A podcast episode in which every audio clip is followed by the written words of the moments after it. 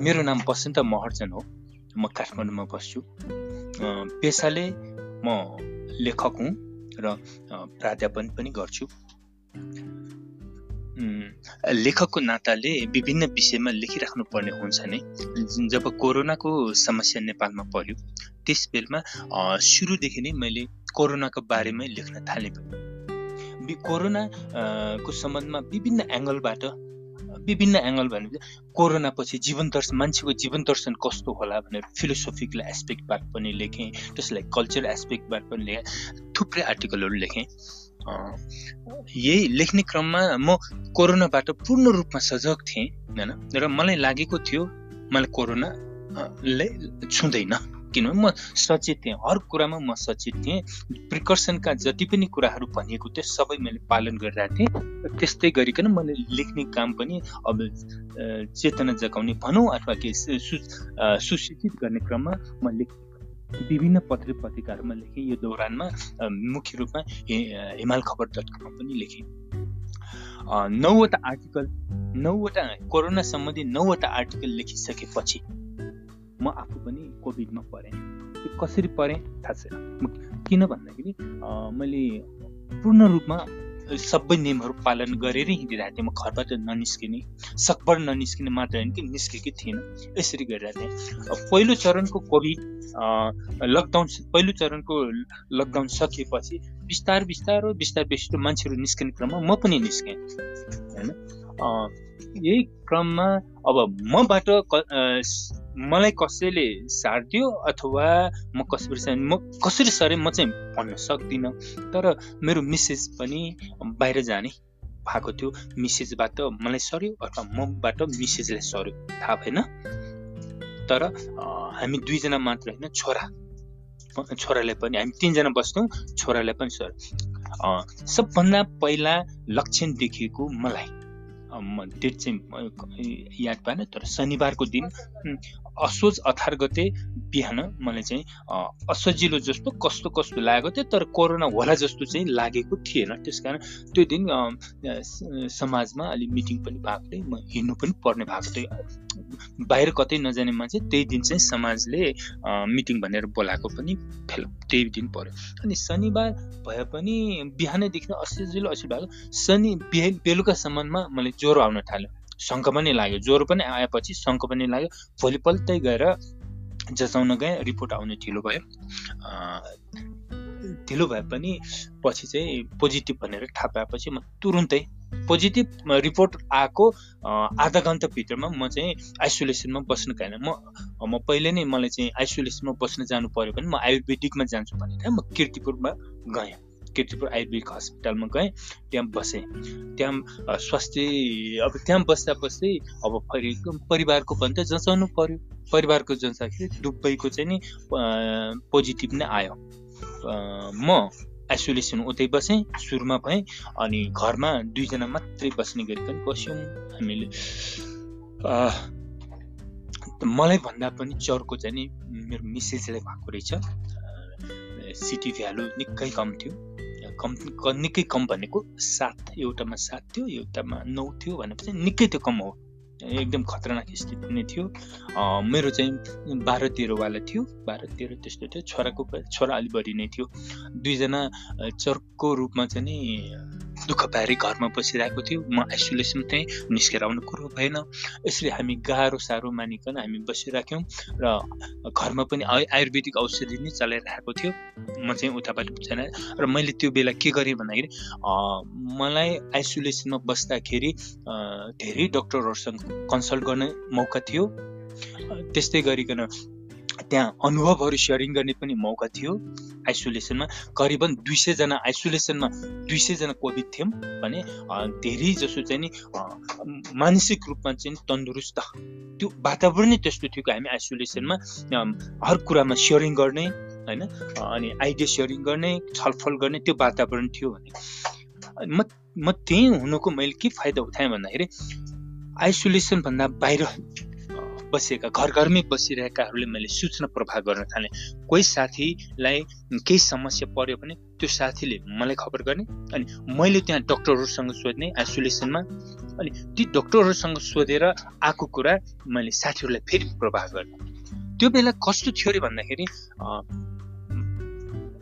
Non भेजवालालाई चाहिँ corona लाग्छ।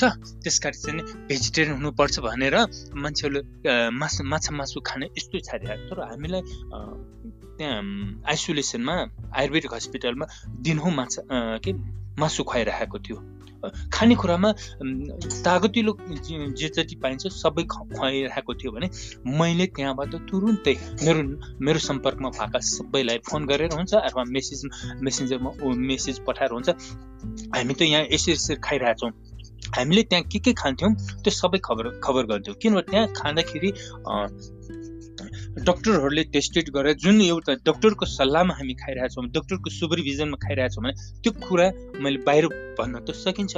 हामी त यहाँ मासु हामीले त मासु खुवाइरहेको छ अन्डा खुवाइरहेको छ यस्तो यस्तो खुवाइरहेको समोसा पनि खुवाउँछ यस्तो यस्तो भनेर सबैले भन्यो। अनि त्यसपछि चाहिँ नि मेरो सम्पर्कमा भएकाहरूले मासु खान थाल्यो अरू अरू खान थाल्यो। यसरी मेरो सम्पर्कमा त्यो आठ नौजना थियो। होइन कोही घरमै बसिराखेको धेरै घरमै बसिराखेको थियो अनि त्यस्तै गरिकन हामीलाई चाहिँ त्यहाँ तुरुन्तै खानेमा चाहिँ एउटा अर्डर आयो कि तिमीहरूले चाहिँ नि सुन्तला नखानु केरा नखानु होइन स्याउ नखानु खानै परे खानै पर्यो भने चाहिँ नि तातो पानीमा डुबाएर मात्रै खानु भनेर हामीले त्यहाँ अब एक प्रकारको उर्दी जारी गरेको जस्तै भयो त्यहाँ भयो अनि यो मेसेज मैले तुरुन्तै बाहिर पठाइहालेँ। एउटा मैले फेसबुकमा मेरो सम्पूर्ण स्ट्याटस राखि राख्ने नै गर्थेँ मेसेज जाओस् भनेर र फेरि खबर पनि गर्थेँ। यसरी मैले एउटा मेसेन्जरको रूपमा पनि काम गरेँ। यति मात्र होइन कि कसैलाई चाहिँ अब एम्बुलेन्स पऱ्यो भने त्यहाँ एम्बुलेन्स कहाँ के कसो अथवा डक्टरहरूको कोसँग कन्सल्ट गर्दा हुन्छ भने त्यहाँ चाहिँ मसँग एउटा लिस्ट थियो। त्यो लिस्ट पनि मैले चाहिँ डक्टरहरूको लिस्ट अथवा एम्बुलेन्सको लिस्ट टेलिफोन लिस्ट एम्बुलेन्स त्यो सबै मैले चाहिँ फ्लो गर्दै गरेँ यसो गर्दाखेरि एक खालको मैले ड्युटी पनि निर्वाह गरिरहेको जस्तै लाग्यो। त्यसरी मैले चाहिँ केही काम गरेँ होइन?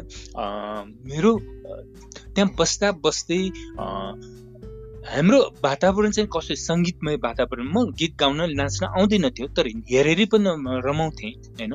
यसरी मानसिक या मानसिक बल पनि बलियो बनाउनुको लागि त्यहाँ पर्याप्त मात्रामा वातावरण थियो त्यहाँ होइन। त्यहाँ जस्तो कि नर्सहरू आफै पनि नाचेर बसिराख्ने हामी बिरामीहरूको मनोबल बढाउनले नर्सहरू नाच्ने अनि सेक्युरिटी गार्डहरू पनि नाच्ने होइन। यस्तो यस्तो वातावरण थियो।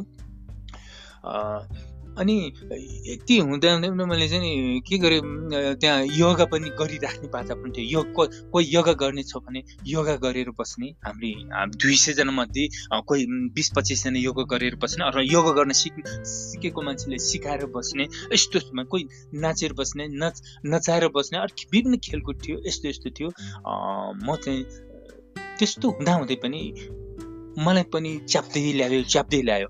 अनि शङ्का लाग्ने। मैले सु सुविधा के थियो भने के शङ्का लाग्यो कि वरिपरि नै मसँग कन्सल्ट गर्न सकेँ। अनुभवी कसरी उ गर्नुपर्ने भन्ने वरिपरि बेडकोहरूले नै मलाई सघाउँथ्यो। अब त्यहाँबाट समाधान भएन भने फोन गर्नुपर्ने डक्टरसँग सम् प्रत्यक्ष सम्पर्क गर्न पाइँदैन। तर डक्टरसँग टेलिफोनमा चाहिँ सम्पर्क गर्ने अनि टेलिफोनबाट सम्पर्क गरिसकेपछि जे जे भन्यो त्यो त्यो चाहिँ नि एप्लाई गर्ने। हुँदा हुँदा अब हामीले त आयुर्वेदिक हस्पिटल भएपछि हामीले आयुर्वेदिक नै उपचार हुने हो। त्यो हुँदा हुँदा मलाई चाहिँ कस्तो एउटा भयो भन्दाखेरि हामी अम्बाको पात खाउँ भनेर चाहिँ अम्बाको पात पठाइदियो। अम्बाको पात पनि हुँदो रहेछ। अम्बा त हामीले खाइरहेको मात्रै थियौँ। यो भने अनुभव। अनि अम्बाको पात खाँदाखेरिको अनुभव बेग्लै थियो भने मैले तुरन्तै त्यो मैले अम्बाको पात यहाँ खाएँ। तिमीहरूले पनि खाँदा हुन्छ भनेर चाहिँ मेरो छरछिमेक मबाट छरछिमेकलाई सरेको थियो। ती सर छरछिमेकहरूलाई पनि मैले खबर गर्थेँ। उहाँहरूले आफ्नै बारीमा भएको अम्बाको अम्बाको पात खाने अथवा अम्बाको पातले चाहिँ बोइल गरेर त्यसको रस रसबाट बाफ लिने यसो यसो गर्न थाल्यो। र यसो गर्दाखेरि मलाई च्याप्दै आए पनि के सजेस्ट पाएँ भने च्याप्दै ल्यायो भने त्यो यस्तो हुन्छ नि डराउनु पर्दैन भने म डराइनँ यसरी गर्ने म निको पाएँ निको भएको जस्तो लाग्यो तर दस बाह्रौँ दिनमा मेरो टे स्वाब टेस्ट निक्ल्यो तर चाहिँ पोजिटिभ नै आयो। पोजिटिभै आउँदाखेरि अलिकति निराश त भएको थिएँ। तर के खबर भएन? नेगेटिभ आए पनि डराउनु पर्दैन। अब त्यो खतराबाट मुक्त भइसक्यो। पोजिटिभ आए पनि खतराबाट मुक्त भइसक्यो भनेपछि फेरि त्यहाँ अझै थप बस्नु पर्यो। पन्ध्र दिन पन्ध्र दिनसम्म बसेँ पन्ध्र दिनबाट निस्केर एक्काइसौँ दिन बाइसौँ दिनमा मेरो पनि नेगेटिभ आयो। नेगेटिभ आएपछि पनि म पोस्ट पोस्ट कोभिडबाट चाहिँ नि पीडित भएँ। विभिन्न समस्याहरू आउँदै गर्ने आउँदै गर्ने। अनि त्यसैको लागि भने फेरि त्यही हस्पिटलमा गएर कन्सल्ट गरेर औषधि खायौँ र अहिले म करिबन करिबन मुक्त नै भइसकेको जस्तो लाग्छ।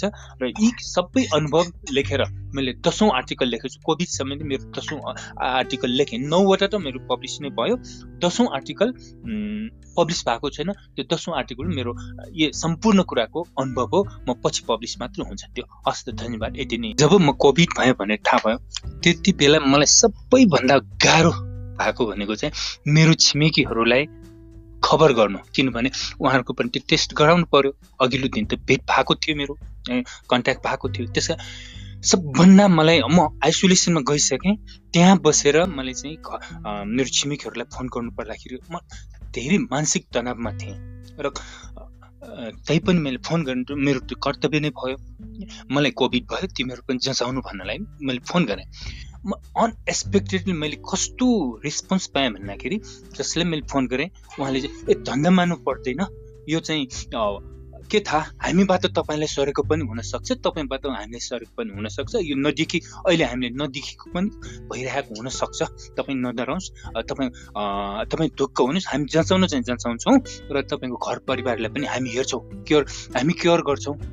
भने मलाई चाहिँ के डर लागिरहेको थियो भन्दाखेरि घर मेरो छिमेकीहरूबाट मेरो फ्यामिलीलाई चाहिँ नि केही नराम्रो होला भन्ने लागिरहेको थियो भने हामी क्योर गर्छौँ भनेर जुन ढुक्क दिनुभयो त्यसपछि म चाहिँ एकदम खुसी भएँ। त्योभन्दा केही दिन अगाडिसम्म मात्रै पनि काठमाडौँमा नराम्रो नराम्रो वातावरण हुन्थ्यो कि एकजना घरमा कसैलाई चाहिँ कोभिड भयो भने त्यो घरमा घरको वरिपरि सबैले गाली गर्ने अथवा चाहिँ छि छि दूर दूर गर्ने अवस्थामा थियो मेरो मेरो छिमेकीहरू कति जाति र यो मैले तुरुन्तै यो खुसीको खबर मैले आइसोलेसन सेन्टरमा चाहिँ त्यहाँ भएको मान्छेले सुनाएँ। सुनाउँदा ओहो तपाईँको छिमेकीहरू त गजबको रहेछ यस्तो पाएँ। अब उहाँ उहाँ छिमेकीहरूलाई मैले चाहिँ कृतज्ञता व्यक्त गर्नै पर्छ। होइन त्यस्तै गरिकन अघि भने मेरो साथीहरू मेरो त्यहाँ बस्दाको साथीहरू र डक्टरहरू त्यो कृतज्ञता गर्नुपर्ने भइहाल्यो त्यो त्यसमा त शङ्कै छैन। त्यस्तै गरिकन मैले कृतज्ञता व्यक्त गर्नुपर्ने मेरो ससुराली खलकमा मेरो जेठानलाई पनि दिनुपर्छ। म उता दुईजना यता छटपटाइरहेको हामी छटपट नै रहेका थियौँ। मेरो छोरा र श्रीमती छटपटाइ नै रहेको अवस्था थियो भने मेरो जेठान आएर चाहिने जे जति सामानहरू पुर्याइदिने काम चाहिँ मेरो जेठानले गरिरहनु भएको थियो भने बिचमा आएर केही दिन पछाडि जेठान पनि बिरामी पर्नुभयो। ज्वरो नै आएको। त्यसपछि अब भनौँ नि हामी तर्स्यौँ।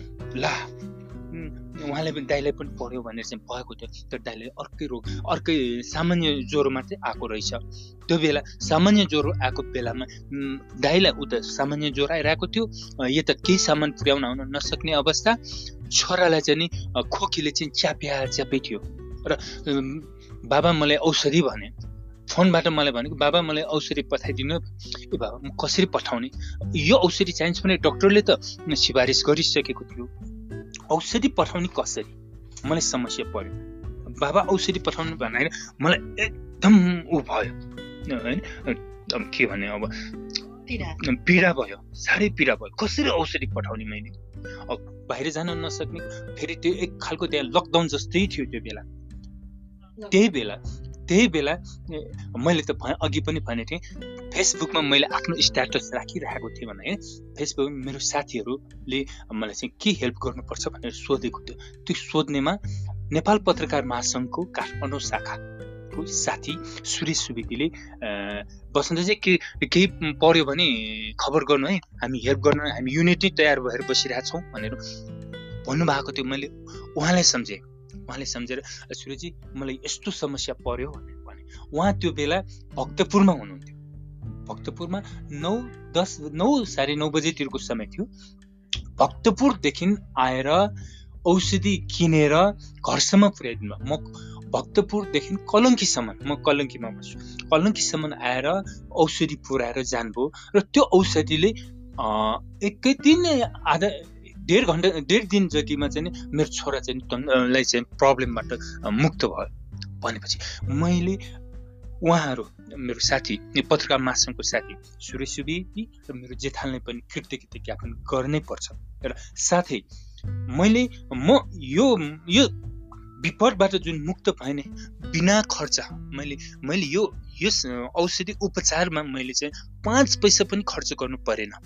मैले म म आइसोलेसनमा जाँदाखेरि म मेरो पर्समा जति पैसा थियो त्यति नै पर्समा पर्स पर्समा त्यति नै पैसा बोकेर म निस्केको थिएँ। भनेपछि शत प्रतिशत मलाई चाहिँ नि शुल्क रूपमा मेरो उपचार भएको थियो। भनेपछि मैले त्यति बेला म म मसँग पनि राज्य छ। मलाई हेर्ने राज्य छ भन्ने पनि मलाई महसुस भएको थियो।